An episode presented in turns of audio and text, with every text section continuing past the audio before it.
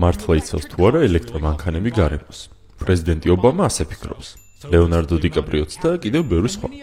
მათი არგუმენტი ასე ჟღერს: ჩვეულებრივ მანქანებს ბენზინი სჭირდებათ.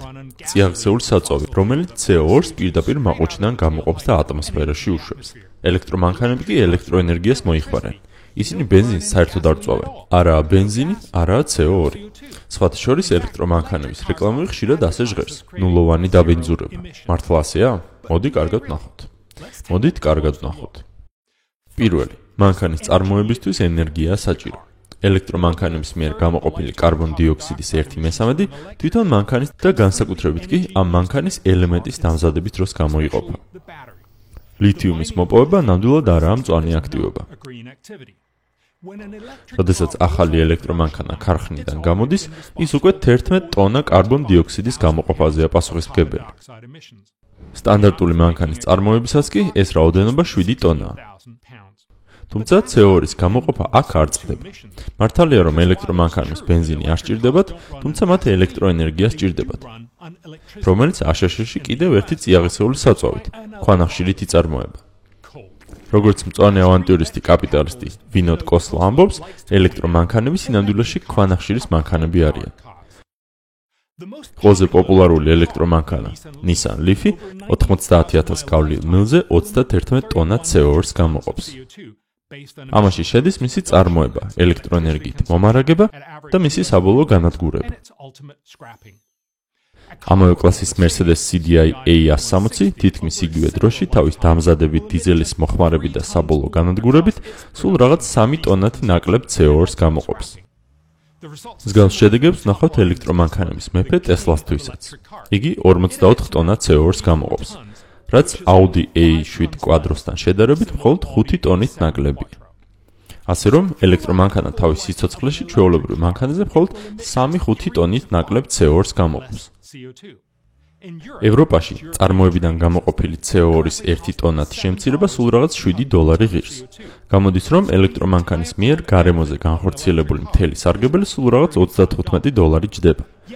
თუმცა აშშ-ის მთავრობა ელექტრომანქანების მყიდველებს 7500 დოლარიან სუბსიდიას აძლევს. 7500 დოლარის გადახდა იმაში, რაც 35 დოლარად შეგვეძლო გვეყიდა, ძალიან ცუდი გარიგებაა.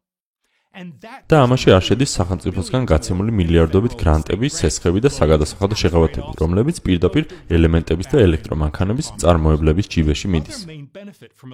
ელექტრომანქანების მეორე სარგებელი დაბინძურების შემცირება უნდა იყოს, მაგრამ გაიხსენეთ ვინოთ კოსლას დაკვირვება. ელექტრომანქანები სინამდვილეში ქვანახშირის მანქანები არიან.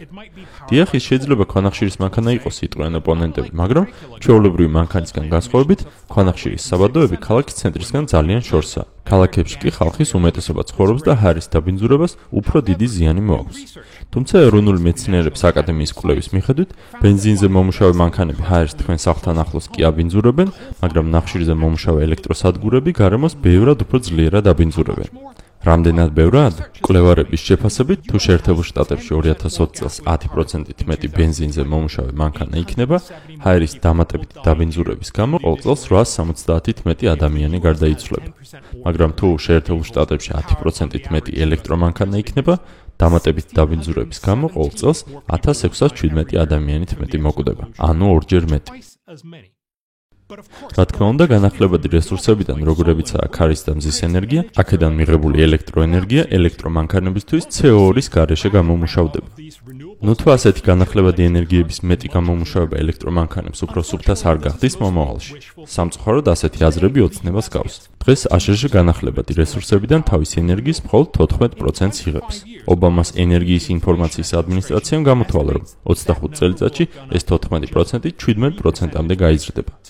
ამასობაში წიაღისეული საწვავი დღეს აშშ-ს ელექტროენერგიის 65%-ს გამოიმუშავებს. 2040 წლისთვის კი მისი წილი 64% იქნება. სანამ ელექტრომანქანების ფლობელები უმანკო სახეებით დადიან ქალაქებში, რეალობა ისაა, რომ ელექტრომანქანები თითქმის არ ამცირებენ გარემოში CO2-ის რაოდენობას.